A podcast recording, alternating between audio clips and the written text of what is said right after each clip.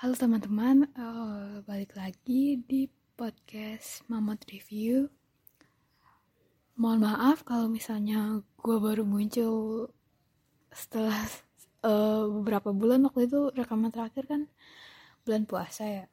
Terus uh, gue baru muncul lagi karena sekarang gue uh, udah masuk kelas 12 dan tugas-tugasnya banyak banget. Terus juga portofolio dan buat persiapan UTBK gue juga nonton filmnya film-film yang ringan terus gue apa ya gak gak punya banyak waktu buat analisis um, plot dan lain-lainnya. Jadi uh, gua, uh, pada episode kali ini kayaknya gue bahas sedikit-sedikit aja film daftar film yang udah gue tonton dari setelah bulan puasa sampai sekarang lumayan banyak uh, dari series dan juga film. Jadi kalau diurutin tuh yang udah gua tonton itu uh, kayaknya ngacak deh. Uh, Suicide Suicide Squad yang 2021 gue udah nonton. Terus juga Al Rawabi School for Al Al Rawa Al Rawabi School for Girls. Itu series dari Netflix gue juga udah nonton. Um, apa lagi ya?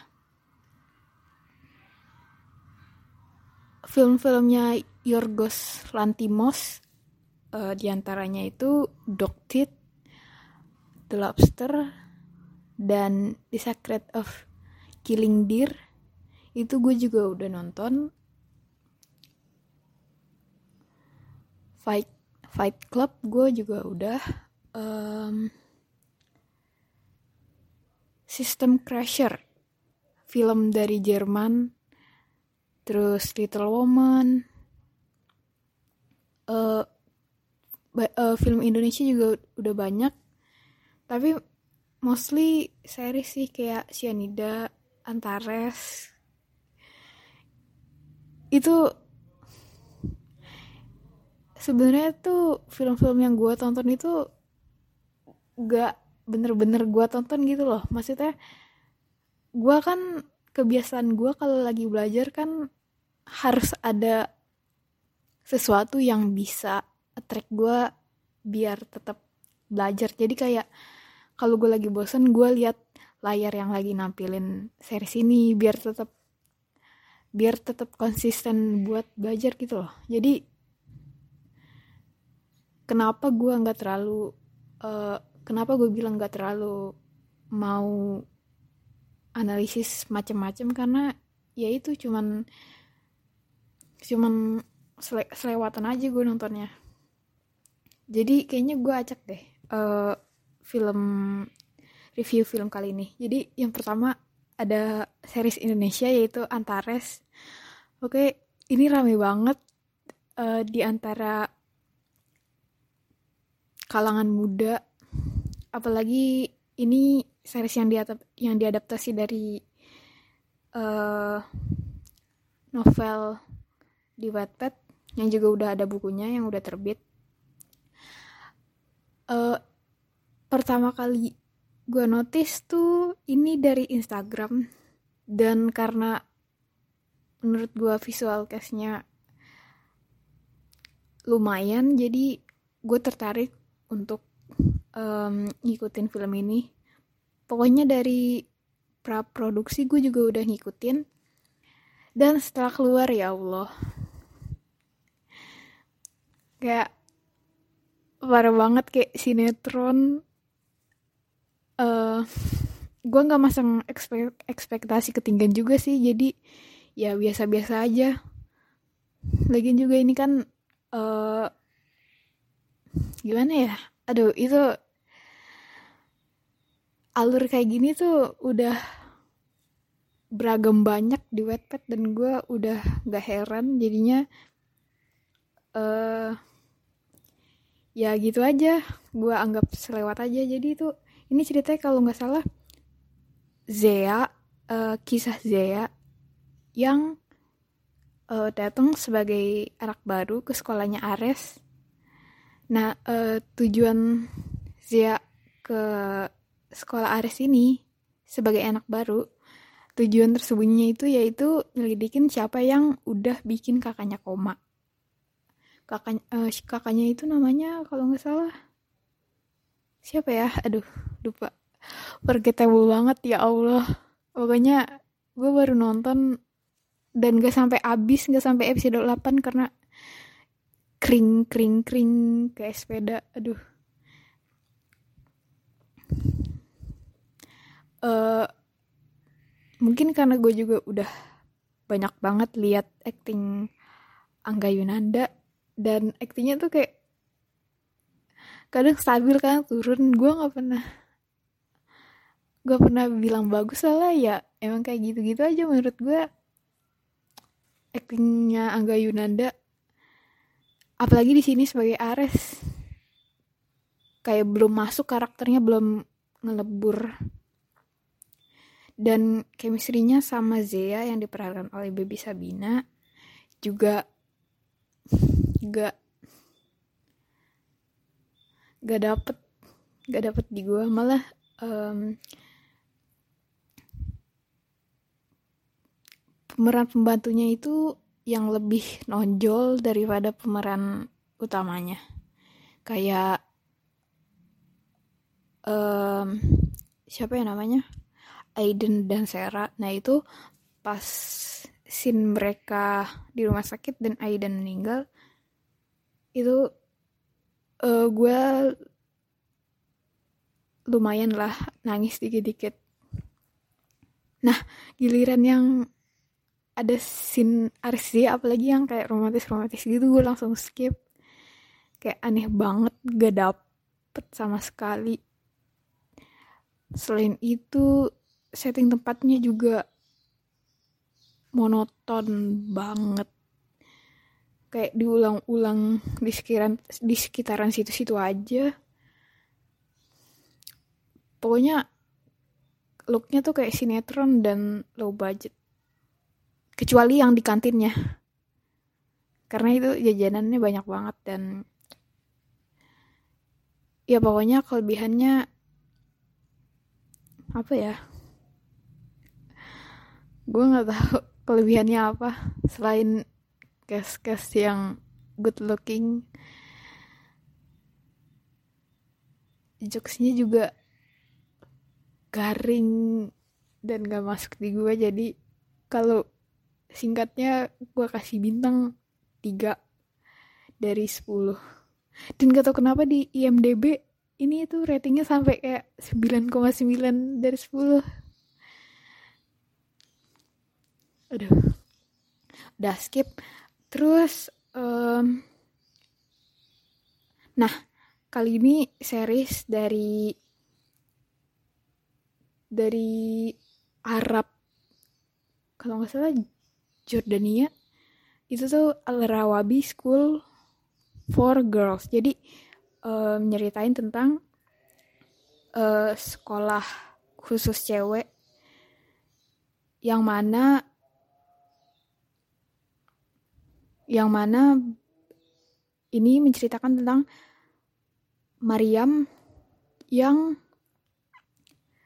um,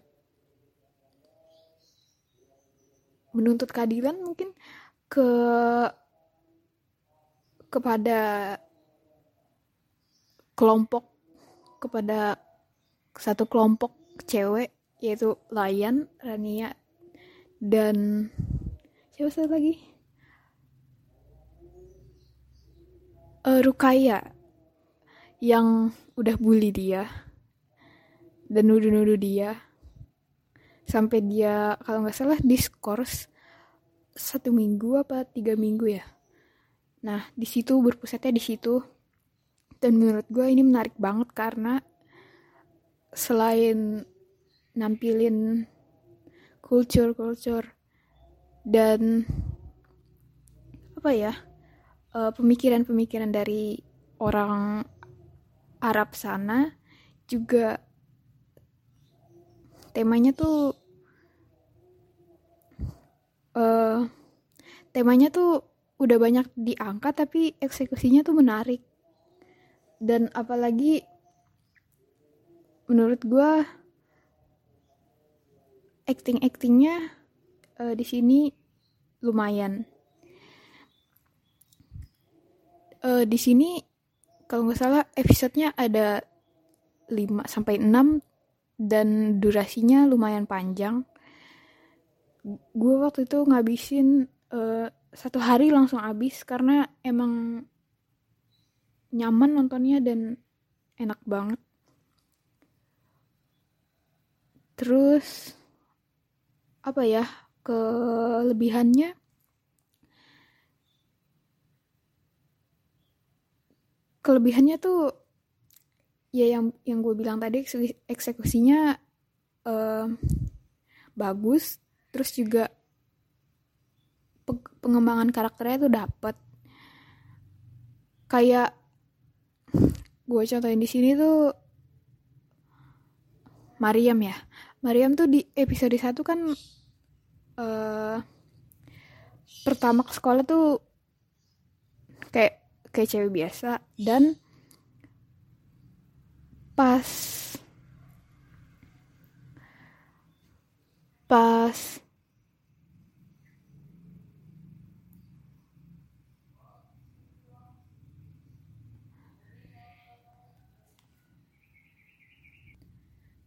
pas udah mulai uh, dibully sama kelompoknya Lion itu dia kayak down dan kayak udah udah putus asa dan udah mau memutuskan untuk uh, give up.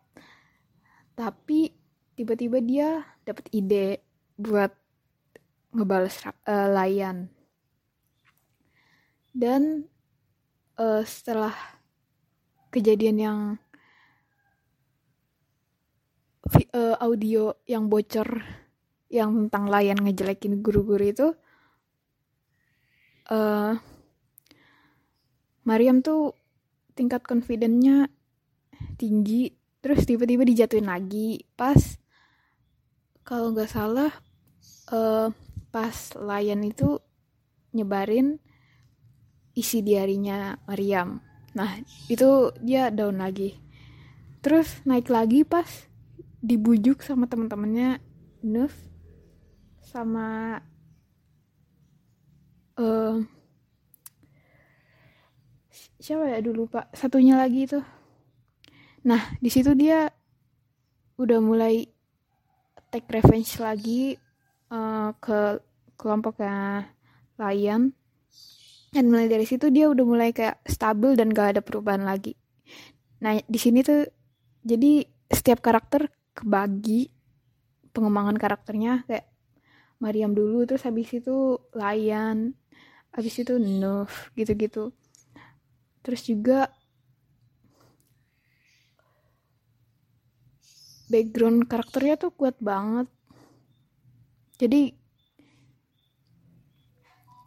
setiap karakter tuh bisa ditelisir ini tuh kenapa dia bisa gini uh, kenapa dia bisa melakukan ini kayak gitu baju-bajunya juga uh, gue suka. Terus apa ya? Udah sih itu aja. Kalau misalnya ini gak ringan-ringan banget tapi gak berat-berat banget juga. Jadi bisalah ditonton buat hiburan. Dan ini limited series ya. Jadi kita nggak tahu ada season 2 atau enggak. Tapi gue berharapnya sih ada tapi sampai season 2 doang. Jadi ceritanya ditamatin sampai season 2 kalau season pertama kan uh, ini spoiler ya.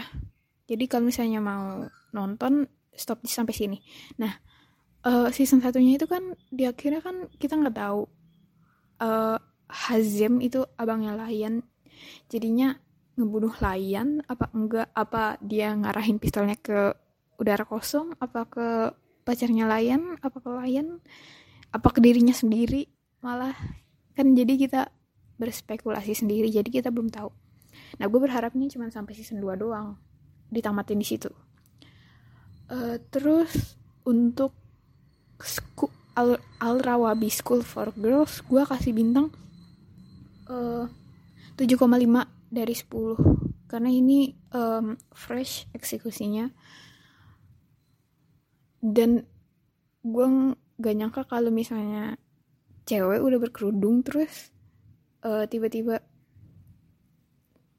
tiba-tiba buka dan post itu kayak tabu banget. Jadi kayak langsung uh, yang sinru kayak itu langsung dia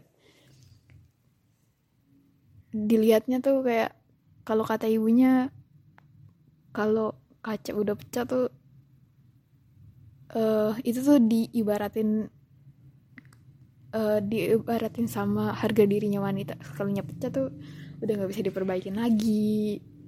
Makanya Rukaya tuh dikurung di rumahnya dan uh, apa ya pokoknya gue tuh sebenarnya pengen banget ngulas-ngulas kayak gini tapi waktu gue nggak banyak dan gue tuh kalau ngulas tuh kayak pengen semuanya dikupas. Jadi gue sering keribetan sendiri.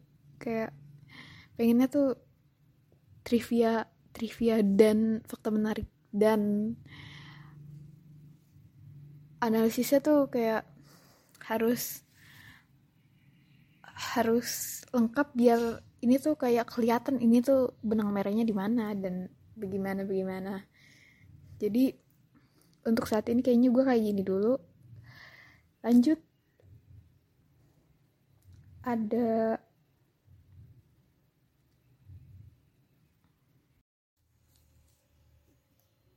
lalu uh, setelah itu film yang gue tonton itu ada Fight Club. Untuk ini karena ini bener-bener apa ya berbelit-belit dan psychological film jadinya gue nggak mau bahas ini. Um, skip. Gue uh, tadi selain Yorgos Lantimos gue juga banyak um, nonton film-filmnya Denis Villeneuve kayak Incendies terus juga Enemy The Prisoner uh, sama yang mau upcoming itu Dune ya. Nah pertama mulai dari Incendies yang benar-benar unexpected. Gue suka uh, tema yang diangkat.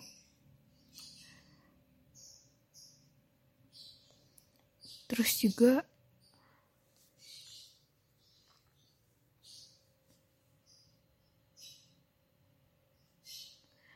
gue tuh nih ntar lo. Gue tuh kalau misalnya gue diem gini mohon dimaklumi karena gue lagi latihan gak gue lagi latihan ngomong biar gak emak emak emak em gitu. Gue tuh bikin podcast gara-gara ini kayak gue pengen ngelatih bicara gue biar lancar dan gak kayak dikit-dikit mm, dikit-dikit mm, karena itu tuh nggak enak banget didengerinnya walaupun kitanya oke-oke aja tapi kalau orang yang dengerin tuh kayak aneh banget. Jadi lanjut tadi gue mau bahas Denis Villeneuve dulu abis itu baru Yorgos Lanthimos nah Insen di sini kan tadi gue bilang uh, bagus terus juga gue kadang ketuker sama pemeran ibunya sama anaknya yang gue udah lupa namanya karena gue lumayan banyak nonton film. Apa ya bagusnya itu setting-settingnya tuh bagus banget dan pengambilan gambarnya juga apalagi yang pas di kolam renang yang pas anak ceweknya itu pergi ke kampung ibunya terus dia mau nyelamatin anak yang mau dibunuh yang pas busnya dibakar. Nah itu pengambilan gambarnya bagus banget. Terus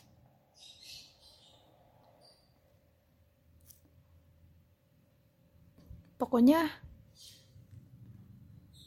kalau gue kasih bintang tuh 8 dari 10 Insan di sini ceritanya yaitu tentang dua anak kembar cewek sama cowok. Nah dia itu ceritanya alurnya maju mundur uh, dan dua anaknya itu tuh kalau nggak salah setelah ibunya meninggal mereka tuh nyari sesuatu apa ya disarankan sama ahli warisnya itu uh, untuk uh, nyari sesuatu yang yang ibunya sendiri mau anaknya mau dua anaknya itu tahu. Jadi akhirnya dua anaknya itu mulai nyari nyari-nyari informasi. Kayak yang anak cowoknya itu pergi minum teh. Terus yang anak perempuannya itu pergi ke kampungnya. Yang mana itu juga kampungnya udah udah hancur lebur karena kalau nggak salah ada pemberontakan mungkin.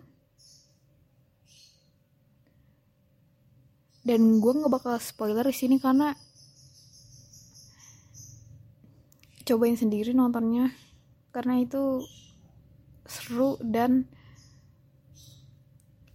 uh,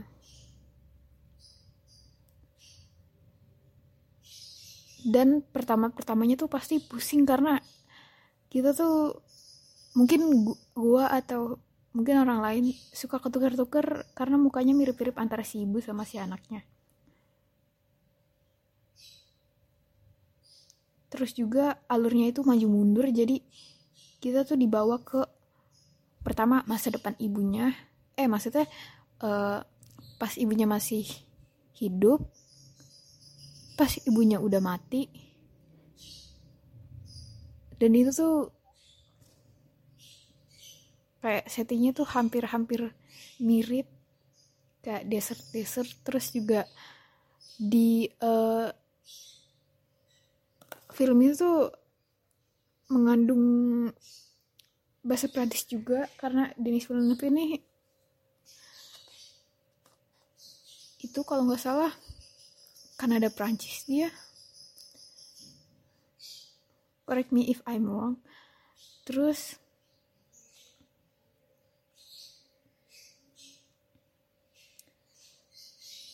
ngambil tempatnya juga banyak. Jadi kayak karena ini anaknya harus menemukan informasi jadi dia kayak dari satu tempat ke tempat yang lain. Terus juga ibunya ibunya itu kan backgroundnya itu dia hamil di luar nikah dan disuruh sama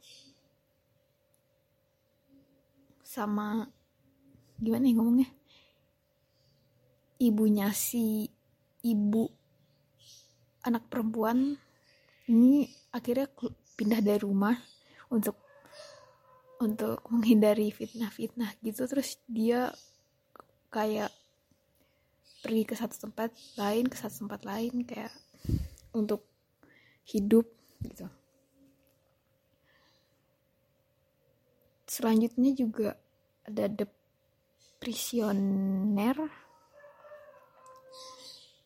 yang di sini gue baru tahu kalau yang jadi ayahnya itu Hugh Jackman terus juga ada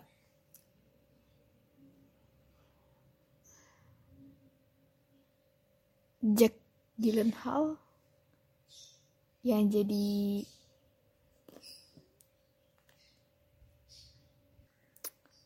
maaf maaf. Judulnya ternyata pas gue lihat lagi Prisoners bukan The Prisoners. Jadi ini tuh ceritanya ada dua anak yang lagi hari Thanksgiving. Mereka keluarganya ini join buat makan malam bareng masak bareng dan dua anak dari dua anak yang berbeda dari dua keluarga ini yang namanya itu Joy sama Anna itu minta izin sama bapak ibunya keluar untuk main. Eh enggak pertamanya tuh disuruh di rumah dulu. Nah terus tiba-tiba Joy sama Anna pengen ke rumahnya Anna dulu. Nah btw ini mereka raya ini di rumah Joy ya. Jadi mereka izin berdua ke rumahnya Anna buat ngambil uh, peluit. Yang nggak tahu buat apaan. Pokoknya mereka minta izin buat ke rumah Anna dan orang tuanya ngizinin tapi uh, bilangnya cepet nah di perjalanan pas ke rumah Ana ini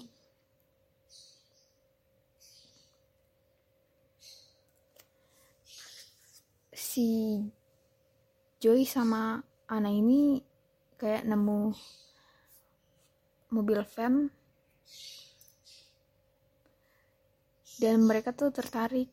Tapi tiba-tiba pas mereka udah deket sama fannya itu tiba-tiba kakaknya dari Ana dan kakaknya dari Joy uh, kakaknya Joy ini cewek dan kakaknya Ana ini cowok yang mana yang cowoknya ini tuh Dylan Minet kalau nggak tahu yang meranin salah satu pemeran utama di 13 Reasons Why. Uh, mereka ini yang kakak-kakak para kakak-kakak ini uh, bilang kayak jangan dideketin. Itu siapa siapa tahu orang yang berniat jahat. Jadi jadi akhirnya mereka nggak jadi.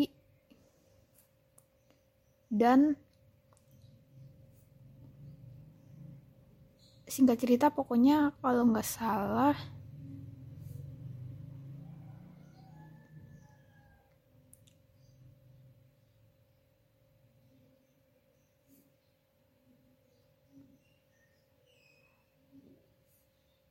kalau nggak salah tuh uh,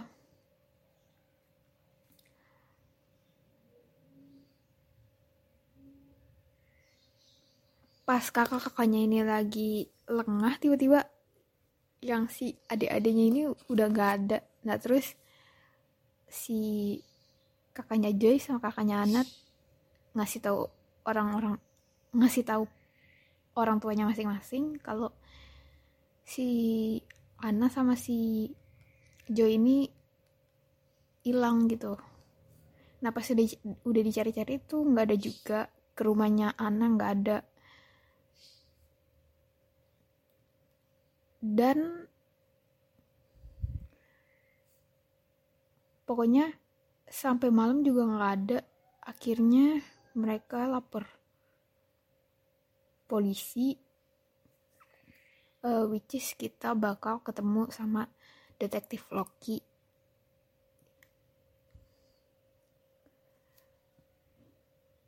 yang bakal uh, terlibat dalam pencarian dua anak ini, dua anak-anak ini.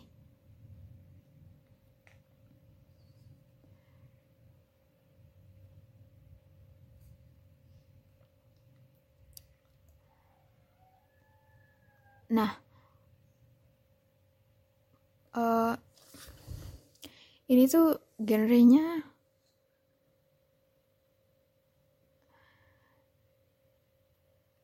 genrenya itu misteri thriller dan masuk nominasi Oscar juga satu kali.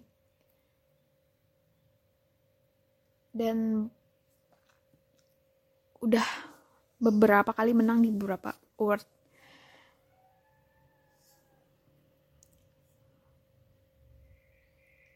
yang gue suka tentang film ini tuh apa ya?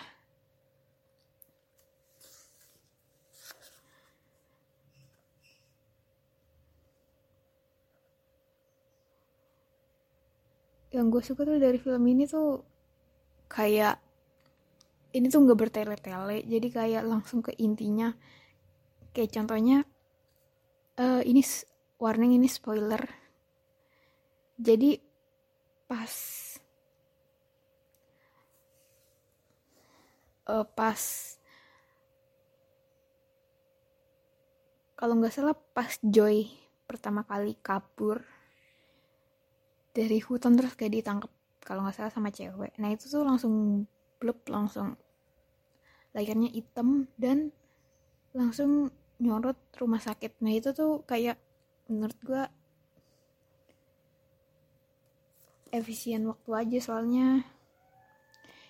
Biasanya kan kayak lari-lari lari kabur dari hutan terus juga sampai rumah sakit tuh diceritain si Joynya itu gimana. Nah kalau ini enggak kalian tuh langsung uh, ditangkap sama cewek terus langsung blok langsung di rumah sakit. Jadi itu tuh kayak sa uh, apa ya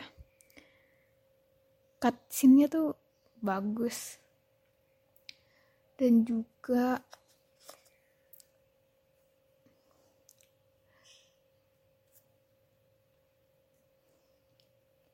dan juga tipikal Denis Villeneuve dia tuh ada simbol-simbolnya gitu setiap di setiap filmnya.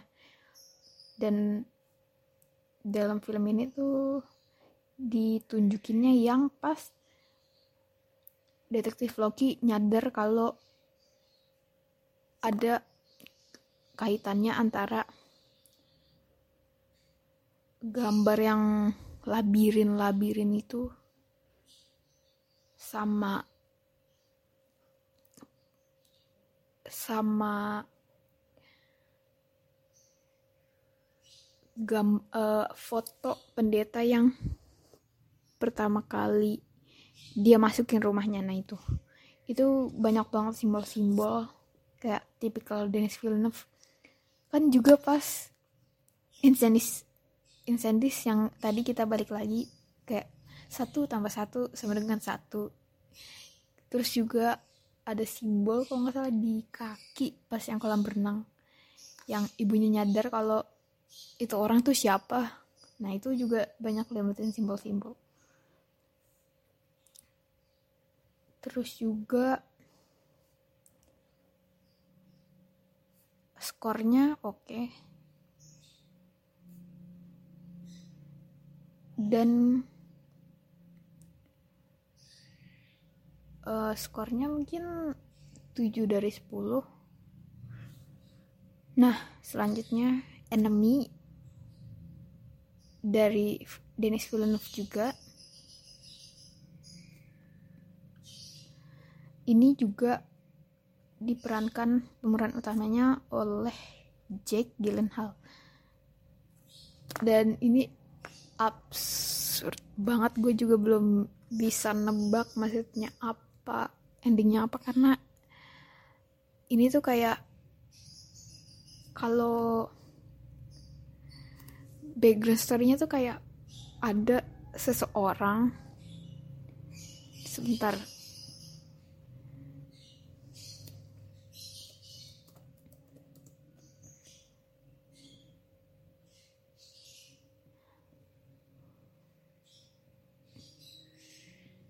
jadi ada seorang guru sejarah namanya Anthony. Eh namanya Adam. Nah dia ini tiba-tiba direkomendasiin sama temennya. Sebenarnya nggak sesimpel itu sih tapi pokoknya tuh hidupnya monoton kayak diulang-ulang.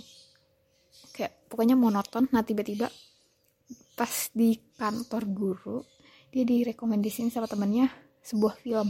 Nah uh, terus dia bilang oh iya iya ya gitu ya kayak basi-basi bah, kayak basa-basi ke temen kayak iya nanti no, uh, gue nonton.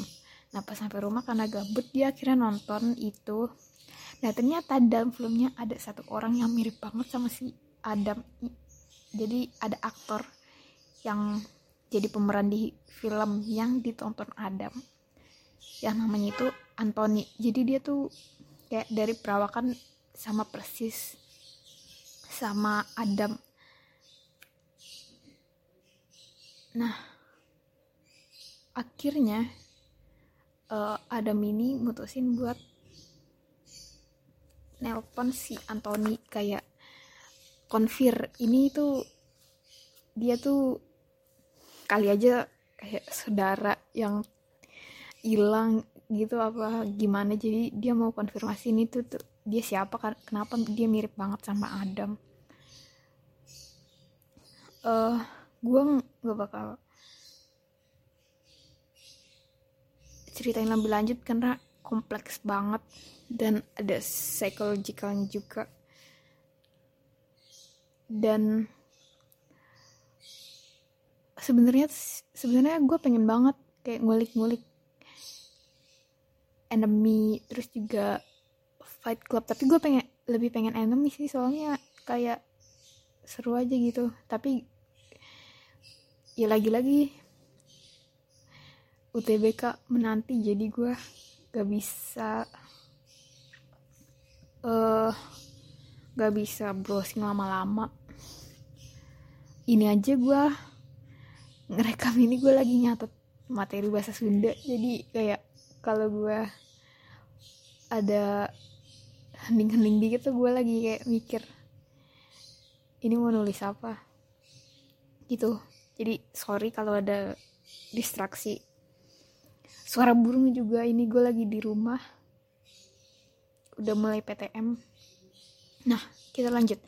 Jadi enemy ini karena gue belum terlalu, terlalu ngeh maksudnya apa dan dan kayak absurd aja filmnya. Jadi gue kasih 6 dari 10 lanjut.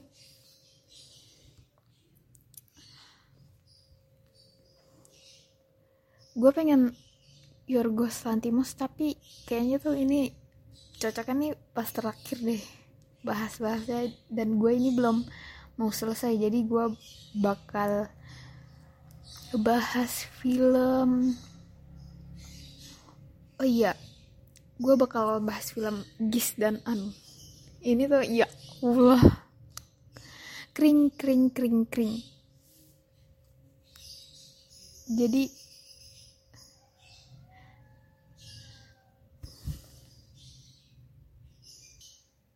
gue tuh setiap kayak ada film yang rame gue tonton aja gitu. Soalnya kayak gue pengen selain pengen tahu cerita gimana terus juga soalnya tuh kalau di Indonesia mungkin ya toko-tokonya tuh yang diambil kayak sama-sama aja itu lagi itu lagi. Dan gue pengen aja ngeliat perkembangan aktingnya gimana terus juga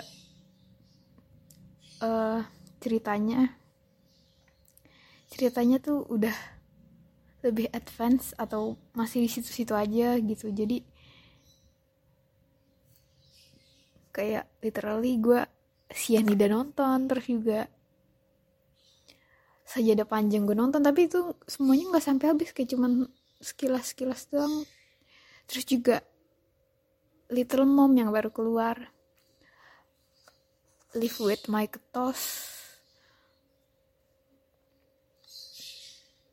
kau dan dia. Terus itu tuh filmnya Reva Hadi sama sama Hanggini. Aduh. Terus juga A Perfect Fit.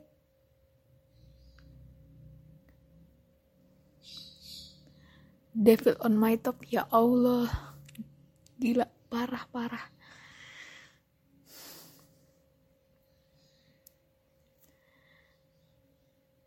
jadi tadi gue mau bilang apa? Bahas film Gis dan An. Nah gue jadi ceritanya itu ini tentang N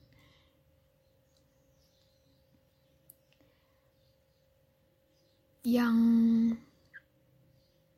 ketemu sama Gis di acara pensi dan kayak mereka deket deket deket terus pacaran terus ada konfliknya tuh kalau nggak salah di Gis sama mamanya. Karena Gis ini tuh disuruh mamanya untuk kuliah di Jerman. Nah ini tuh kan jadinya Gis samaan LDR nah kalau udah LDR tuh kayak banyak banget rintangannya apalagi ribet kan kalau misalnya bolak balik Jerman Indonesia gitu. Dan ini diceritanya kuliahnya di UI Fakultas Kedokteran. Gue nggak bakal spoiler pokoknya ini tuh kayak nyeritain tentang kisah cinta Gis dan An dan satu lagi pokoknya ada satu karakter yang muncul di akhir kekurangannya tuh gisnya aneh banget creepy apalagi pas di di bus. Kayak cara natapnya tuh dalam tapi terlalu dalam jadi kayak creepy. Terus tiba-tiba sering muncul tiba sering muncul tiba-tiba. Kayak di bus itu kan dia muncul tiba-tiba terus juga uh,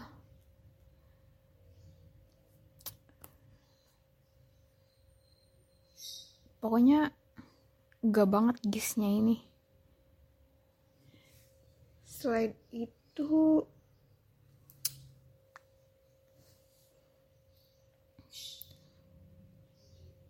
menurut gue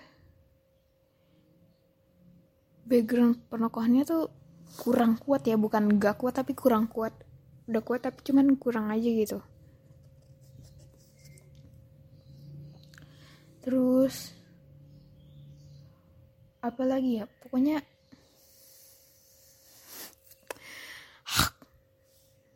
parah banget gue nggak nyampe 7 menit nonton ini karena gue skip skip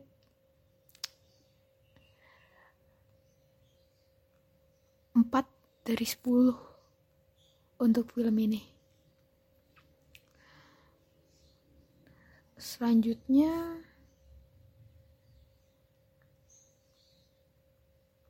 apa ya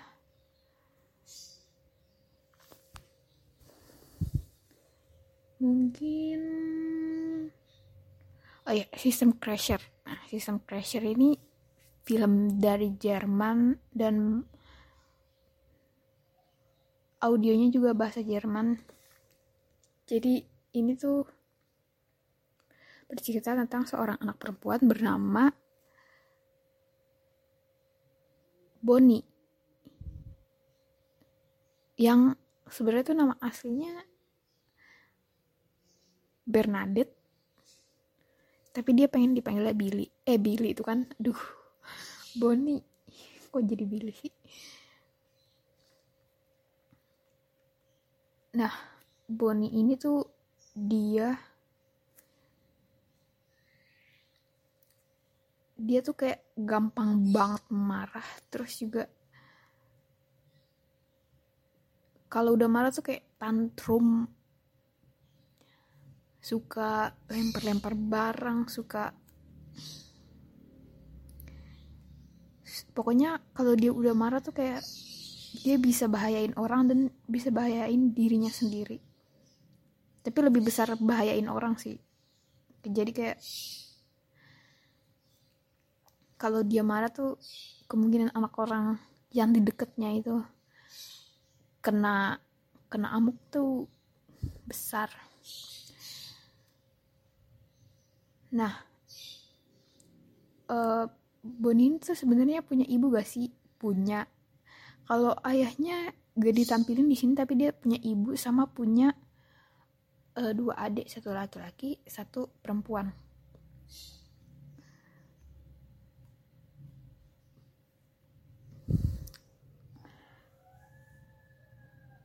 Boni, Boni ini tuh tinggalnya di dinas sosial pokoknya kayak penampungan anak-anak gitu. Karena menurut ibunya tuh dia kayak udah gak terkontrol lagi dan ibunya takut kalau dia lagi kumat itu tuh bisa bahayain adik-adiknya atau mempengaruhi adik mempengaruhi sifat-sifat adiknya. Ibunya tuh takut adik-adiknya bakal tumbuh kayak dia kayak emosian terus juga apa ya pokoknya gak stabil emosinya. Nah pas suatu ketika pas si Billy lagi kumat dan sampai dibawa ke rumah sakit dan lagi kayak ditempel sama banyak kabel-kabel gitu. Bukan kabel sih nggak tahu pokoknya tempelan gitu uh, tiba-tiba ada cowok yang ternyata dia ini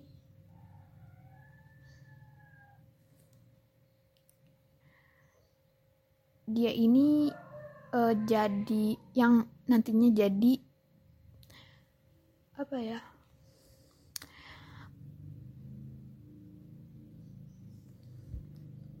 kayak penjaga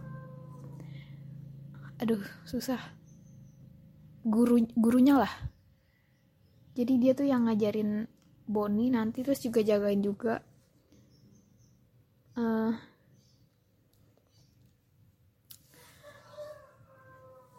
ceritanya lanjut. Jadi mulai dari namanya tuh siapa ya? Bentar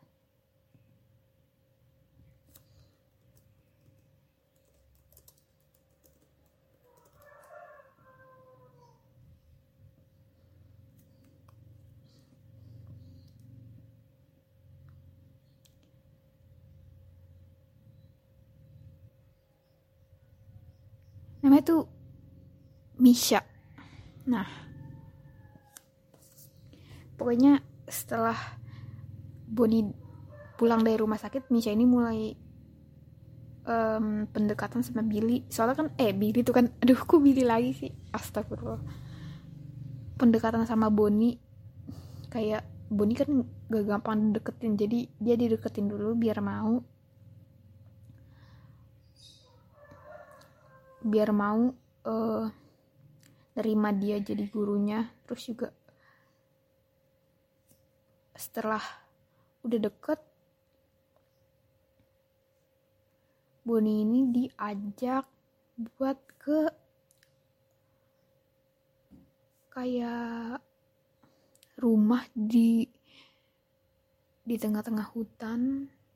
Kayak biar dia ngerasain kayak apa ya di di tengah hutan itu kan gak ada listrik gak ada gak ada anak-anak lain. Terus juga kayak dia tuh kalau misalnya mau banting-banting barang juga terserah soalnya. Soalnya tuh kayak dia tuh istilahnya kayak di isolasi sementara biar emosinya tuh stabil stabil selama beberapa minggu. Jadi akhirnya dia dibawa sama si Misha. Jadi mereka tinggal berdua. Jadi terus aktivitasnya tuh kayak ngambil susu. Pokoknya di deket rumah itu ada peternakan gitu. Ngambil susu terus juga uh, nebang pohon dan memperbaiki ru uh, perabotan rumah dan segala macem dan jalan-jalan juga. Dan menurut gue film ini bagus karena kita diajak untuk memahami ini tuh si si Boni itu uh, background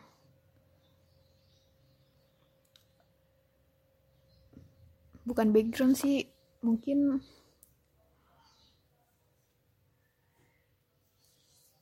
apa ya di dibilang background juga nggak bisa karena di sini menurut gue plot hole-nya dia tuh nggak diceritain kenapa dia bisa kayak mudah emosian gitu. Backgroundnya cuman sedikit ditampilin kayak cuman ibunya sama adik-adiknya sama pacar ibunya. Dan itu juga kebagian frame-nya tuh mereka tampil frame-nya dikit. Jadi plot hole di situ jadi kita nggak dikasih tahu Billy ini kenapa? Cuman cuman menurut gue tuh bagusnya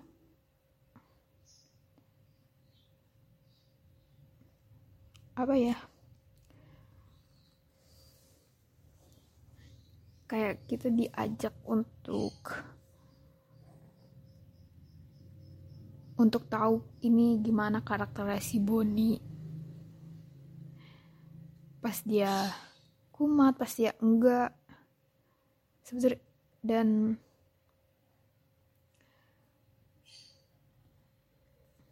apa ya ada satu scene di mana gue nangis di situ soalnya itu itu emang sedih banget.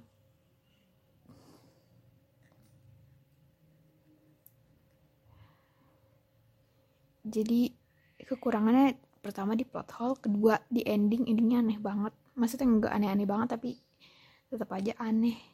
Kayak kurang nendang terus durasinya kurang sih menurut gue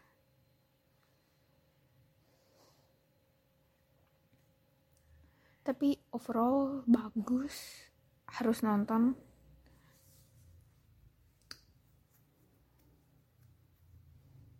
Dan sebenarnya banyak hal yang bisa dikulik dari film ini tapi um, gue singkat aja. Bintang yang gue kasih itu 7 dari 10 lanjut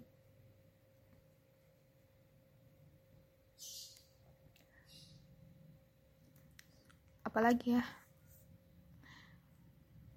Little Woman ini kayaknya gue keep sendiri aja kali ya. Gue masih gue baru nonton tiga hari yang lalu dan kayak nggak tahu gue mau review apa soalnya. Ya bagus tapi ya gitu hmm. Oh iya he's all that. Gue nonton itu itu debutnya Addison Ray itu kayak tiktoker yang populer.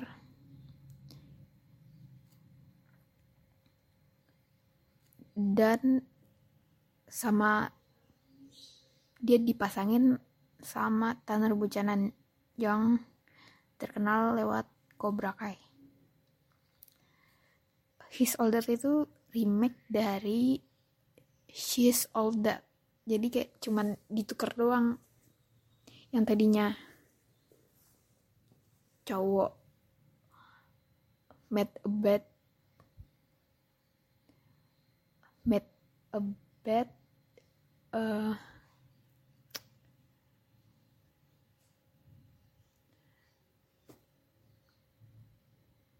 pokoknya cowok yang bikin taruhan lewat cewek. Nah ini cewek yang buat taruhan lewat cowok gitu. Menurut gue gak gak jelek-jelek banget aktingnya Addison Rae tapi apa ya mungkin karena dia udah jadi bulan-bulanan di YouTube terus juga banyak meme yang kayak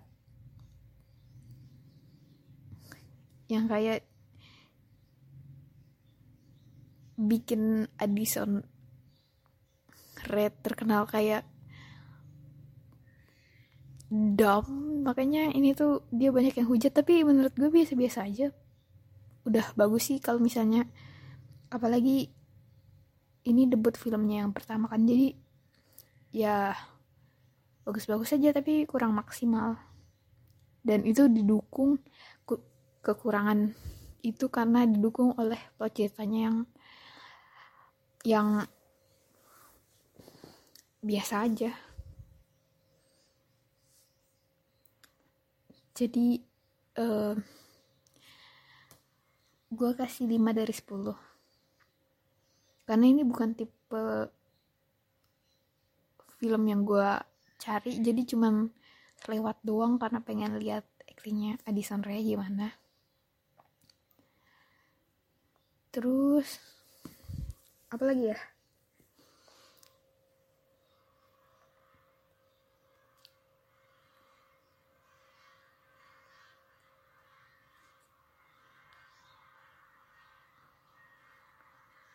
Uh,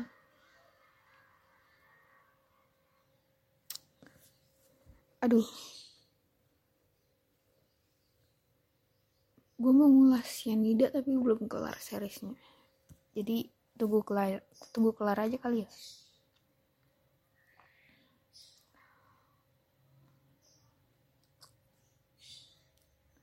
Ini gila banget berapa film gue satuin jadi satu episode.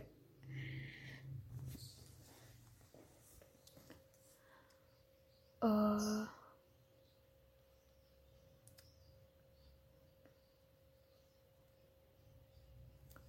sebentar. Film yang udah gue tonton oh ya tadi gue janjimu Yorgos Lantimos tapi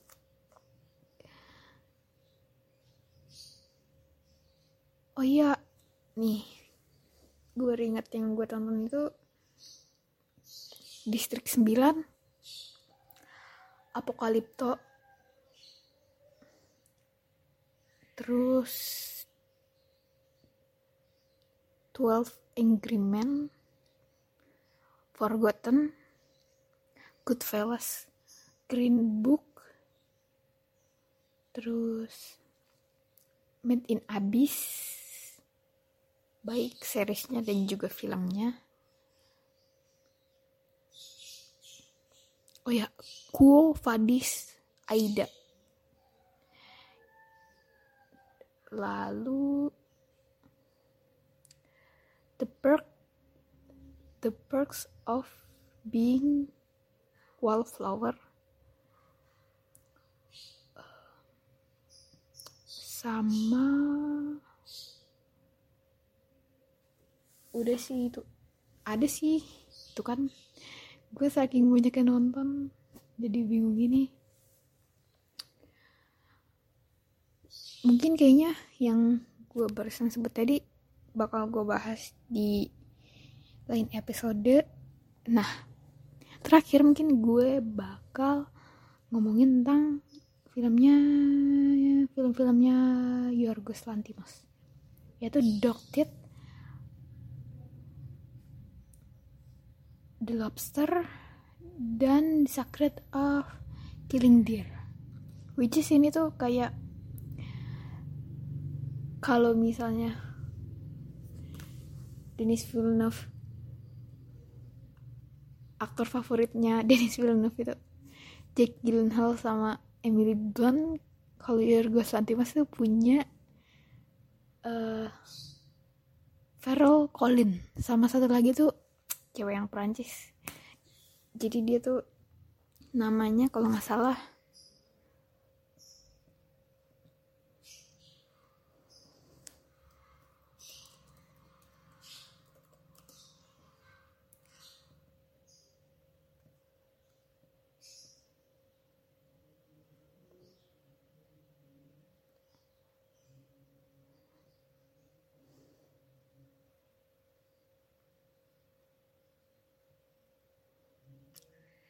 siapa ya? Bentar.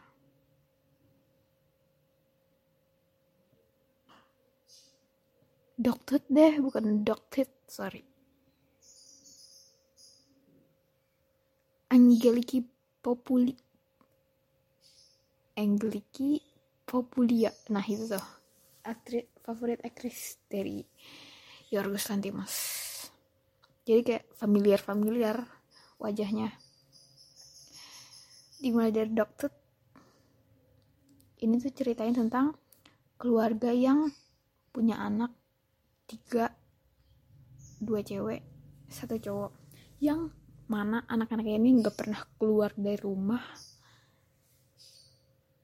Pokoknya bener-bener nggak -bener pernah keluar rumah terus juga nggak punya teman.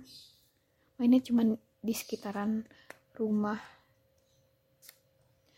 Dan mereka tuh diajarin bahasanya kayak bahasa sehari-harinya tuh kayak melenceng dari dari dari bahasa umum yang biasa dipakai gitu. Jadi kayak kalau nggak salah garam itu diibaratinnya kayak kalau misalnya gue mau bilang um, tolong ambilin garam dong wah. Nah kalau anak-anak di sini tuh kayak kalau nggak salah handphone apa apa ya?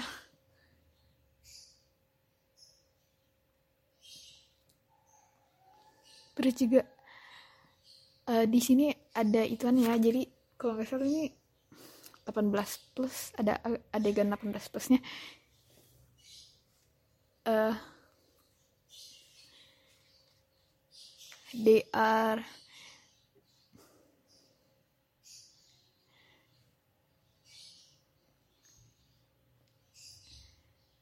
they were saying that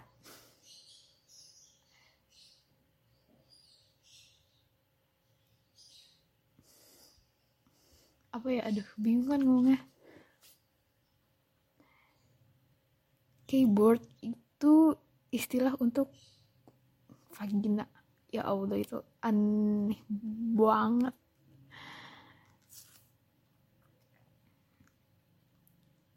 Makanya uh, ini yang buat film ini menarik. Terus juga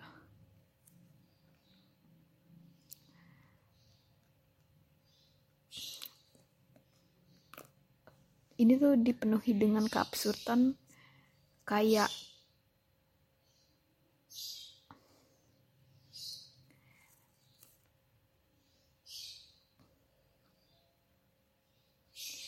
kelinci aja tuh kayak diibarat diibaratin kayak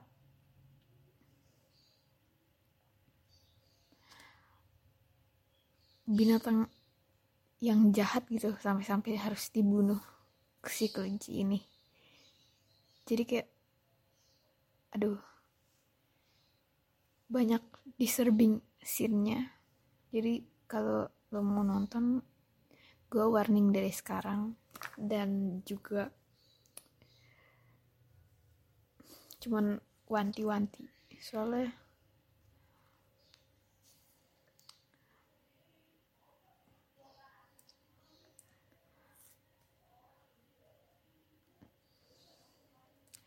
nah udah lanjut pokoknya absurd banget. Gue sampai nggak tahu mau bilang apa. Nah endingnya. Endingnya itu membuat kita uh, bisa berinterpretasi sendiri terhadap ending yang akan terjadi. Pokoknya endingnya tuh kayak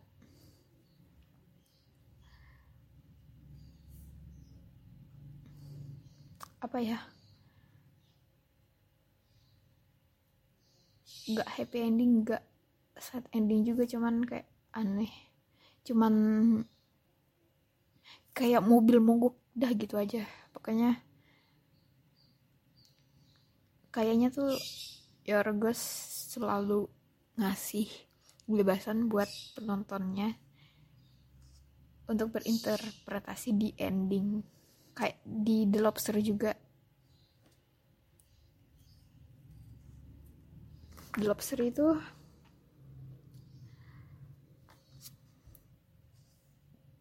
ceritanya tentang namanya itu David yang pergi uh, jadi dia tuh istrinya kalau nggak salah udah ninggalin dia dan akhirnya karena dia udah nggak pasangan dia berniat untuk nyari pasangan di sebuah hotel yang uh,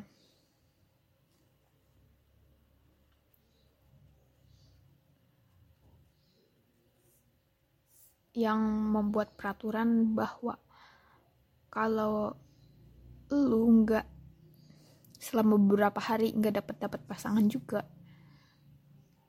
lu bakal diubah jadi hewan yang di awal lu datang di hotel itu tuh kayak ditanya lu uh, lu mau jadi binatang apa nanti kalau misalnya nggak dapet pasangan? Nah si David ini milihnya dia pengen jadi lobster karena lobster itu dia hidupnya bisa sampai 100 tahun terus juga uh, selalu subur fertil terus juga apa ya pokoknya dia pengen jadi lobster. Nah sebelumnya ini dia tuh bawa anjingnya yang mana itu adalah abangnya sendiri yang gagal menjalani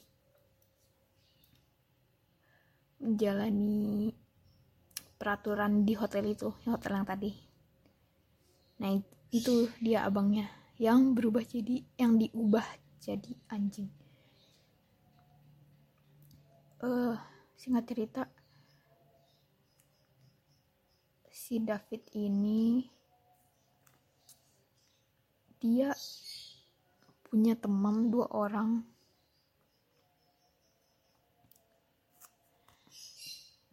namanya tuh Ntar.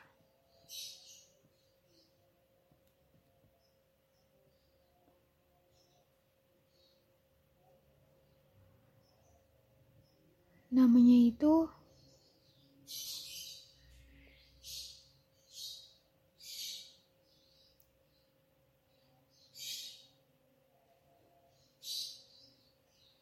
mana di IMDB nggak ada lagi. Lupa kan? Ada dua orang. Nah satu orang ini nanti akhirnya tuh um, dapet pasangannya. Namanya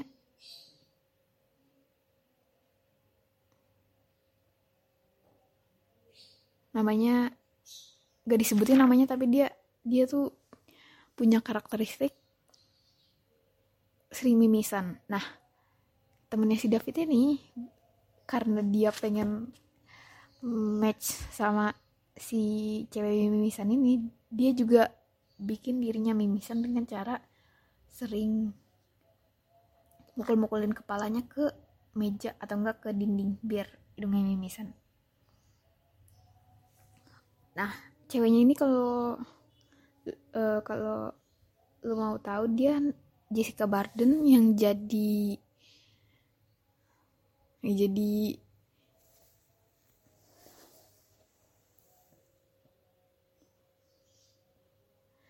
yang jadi pemeran utama di The End of Fucking World. Alisa. Nah kan?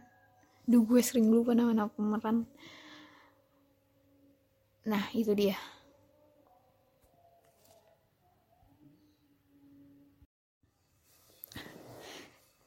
Oke lanjut lagi uh, by the way kalau kalian nggak tahu ini gue satu episode ini gue recordnya di sat, di dua hari yang berbeda.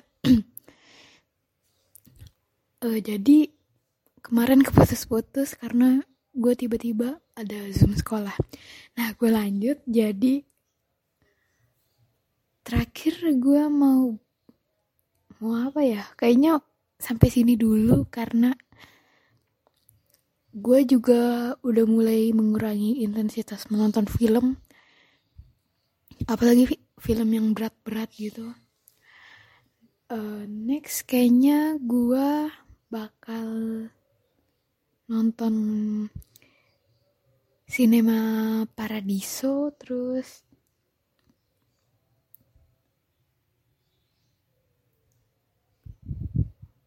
terus film-filmnya siapa ya namanya? Tarkovsky stalker. Terus juga mungkin gue bakal abisin nonton Cyanida juga karena lumayan seru. Walaupun ada beberapa detail yang masih kurang kayak waktu episode pertama banget itu kan Amelia sama Jenny di hotel. Nah di situ kan ada lilin. Nah pas scene malamnya itu lilinnya tingginya segitu. Nah pas pagi-paginya harusnya lilinnya udah dikit dong. Nah di situ tuh di scene pagi-paginya pas Amelia sama Jenny bangun lilinnya masih segitu juga jadi kan mereka nggak mungkin ganti lilin kan soalnya kan mereka tidur. Harusnya lilinnya udah dikit gitu udah menipis. Naik kalau ini nih masih kayak yang malam tadi gitu. Jadi kayak mungkin detail detailnya kurang diperhatiin. Tapi tapi overall oke okay buat ditonton daripada Antares uh, Oh iya, mungkin juga gue bakal ngomongin The Florida Project. Itu produksi A24. Aduh, maaf pada lalat. Produksi A24. Dan itu bagus banget filmnya kayak ringan tapi bagus. Jadi segitu dulu episode hari ini. Mohon maaf kalau episode episodenya agak abstrak, nyampur-nyampur, dan lama juga ini udah satu jam lebih. Uh, yang udah nonton sampai habis, terima kasih udah dengerin ulasan ecek-ecek gue doakan gue supaya di episode berikutnya gue bisa leluasa mengulas film dengan sedetail mungkin. Terima kasih. Wassalamualaikum warahmatullahi wabarakatuh. Bye bye.